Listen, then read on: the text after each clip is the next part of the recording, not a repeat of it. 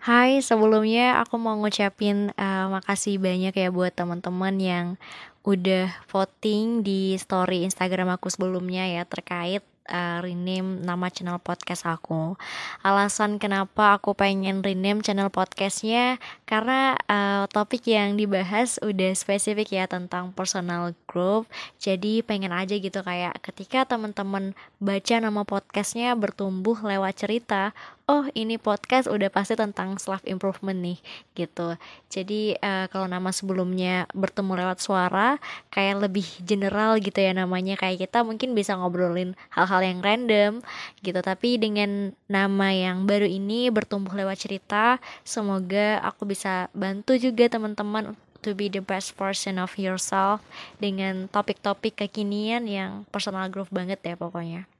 Nah, di episode podcast ini aku pilih topiknya juga dari request salah satu teman-teman di Q&A story Instagram aku beberapa hari yang lalu dan topiknya adalah tentang healthy mindset. So, here we go.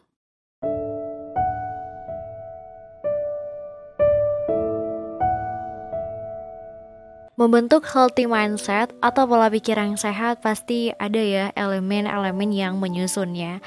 Ketika kita punya pola pikir yang sehat, tentu akan berdampak juga nih dengan kondisi kesehatan mental kita. Kita ngerasa lebih tenang, lebih berpikir positif, lebih merasa aman, lebih semangat ngerjain apa pun, gak insecure, gak overwhelmed, apalagi worry ya, jauh-jauh deh yang kayak-kayak gitu. Nah, aku baca salah satu artikel dari theblissfulmind.com bahwa ada lima elemen penyusun healthy mindset. Jadi, kelima elemen untuk menumbuhkan pola pikir yang saat ini berguna banget nih untuk kita yang kayak suka nunda-nunda, terlalu banyak mikir, terlalu perfeksionis, dan punya kecenderungan negatif lainnya. Salah satu hal yang jadi highlight juga dari penulis di artikel ini bahwa penulis bilang lima elemen ini tuh bukanlah aturan ya, tetapi kalau kita bisa menerapkan at least 2 sampai 3 dari elemen ini dengan sadar menerapkannya juga, kita akan mulai ngeliat incredible growth in our mindset. Jadi kelima elemen dari healthy mindset ini disingkat uh, jadi 5C. Calmness, clarity, compassion, concentration, and courage atau kalau di bahasa Indonesia ya jadi 5K calmness itu ketenangan courage itu kejelasan compassion itu kasih sayang concentration konsentrasi dan courage itu adalah keberanian. Nah jadi yuk kita bedah ya satu persatu. Yang pertama tadi calmness atau ketenangan. Seperti bagaimana cara kita untuk menenangkan pikiran ketika kita berada di under pressure gitu. Pikiran kita rasanya ke mana-mana gitu ya berbagai macam emosi emosi campur jadi satu, sedih, kecewa, marah, takut, khawatir, dan lain-lain yang ngebuat kita sulit untuk melihat keadaan yang sebenarnya. Jadi bener juga kalau kita pernah denger ya orang-orang bilang kalau pikiran kita nggak tenang gitu, kita nggak bisa berpikir terbuka gitu. Karena manusia itu punya berbagai macam emosi. Kalau buku How to Respect Myself karya Yun Hong Gyun bilang emosi itu ada tiga uh, ada emosi yang sulit diatur kayak rasa malu, rasa hampa, uh, terus ada emosi panas juga kayak ngerasa benci sama diri sendiri, sering ngerasa bersalah, rendah diri gitu. Dan yang ketiga adalah emosi dingin, uh, kayak ngerasa kecewa, meremehkan atau nggak peduli gitu. Nah, emosi-emosi ini kalau kita nggak bisa ya mengontrolnya, ini akan mempengaruhi self esteem kita juga gitu. Dan solusinya adalah dari buku yang aku mention tadi, uh, kita mencoba untuk menemukan hal-hal atau kegiatan yang bisa mempengaruhi suhu emosi tersebut. Berarti kita harus tahu kan strategi atau praktik apa sih yang buat kita bantu menenangkan pikiran kita gitu. Silahkan ya kita gali masing-masing. Hari ini apa sih yang bikin kita nggak tenang karena masalah apa? Apakah kita mikirin hal-hal yang gak penting juga kah? Next yang kedua ada clarity atau kejelasan.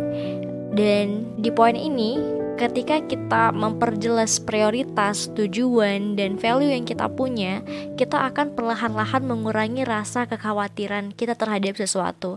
Jadi punya clarity yang jelas itu ngebantu kita banget teman-teman buat menghadapi keraguan-keraguan yang selama ini kita rasain.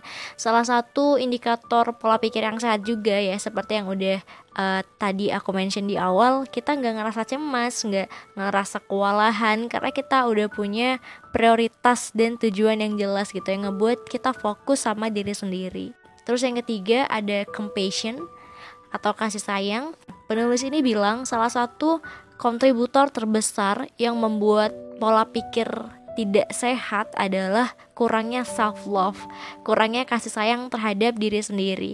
Aku pernah baca buku How to Stop Feeling Like Shit karya Andre Owen. Ciri-ciri kita itu nggak sayang sama diri sendiri adalah kita sering comparing gitu ya, ngebandingin diri kita sama orang lain, doubting, ragu sama kemampuan diri sendiri, dan bahkan secara sadar atau tidak sadar menyebotase diri sendiri. So how to deal with this struggle? Dari buku itu, hal yang pertama kita lakukan adalah self acceptance dulu ya, menerima diri sendiri. Yang kedua, sadar bahwa diri sendiri juga punya limit. Kita hanya bisa mengendalikan apa yang bisa kita kendalikan. Kemudian, yang ketiga menanamkan rasa bangga ya sama hal yang udah diraih. Bukan bangga diri ya, tapi lebih ke bisa mengapresiasi diri sendiri. Itu juga bagian dari kita menunjukkan self love. Lanjut ke elemen yang keempat ada concentration atau konsentrasi. Nah, di sini kita ngomongin tentang bagaimana kita bisa komitmen sama diri sendiri untuk fokus sama hal yang penting yang bisa kita kontrol. Karena uh, kita ini berada di situasi yang penuh dengan distraksi ya nggak sih?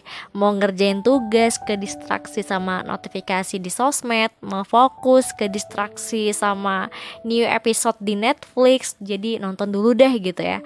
Dan lain-lain ketika kita mau belajar mendedikasi diri sendiri untuk fokus sama hal-hal yang kecil dulu itu adalah awal untuk membuat kemajuan.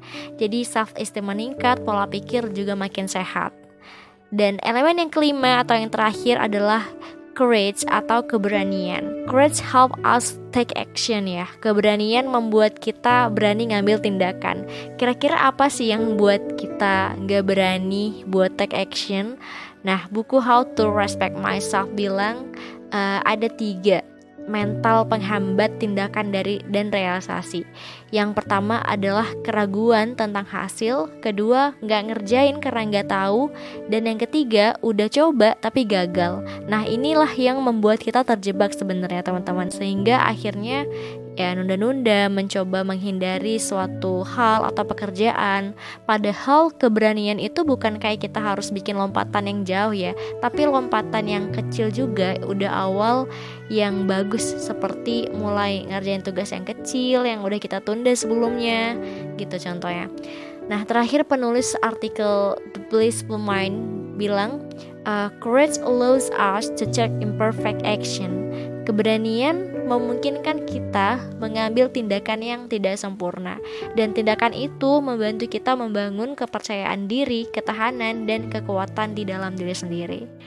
Wah, udah seluas itu ya kalau kita ngomongin healthy mindset.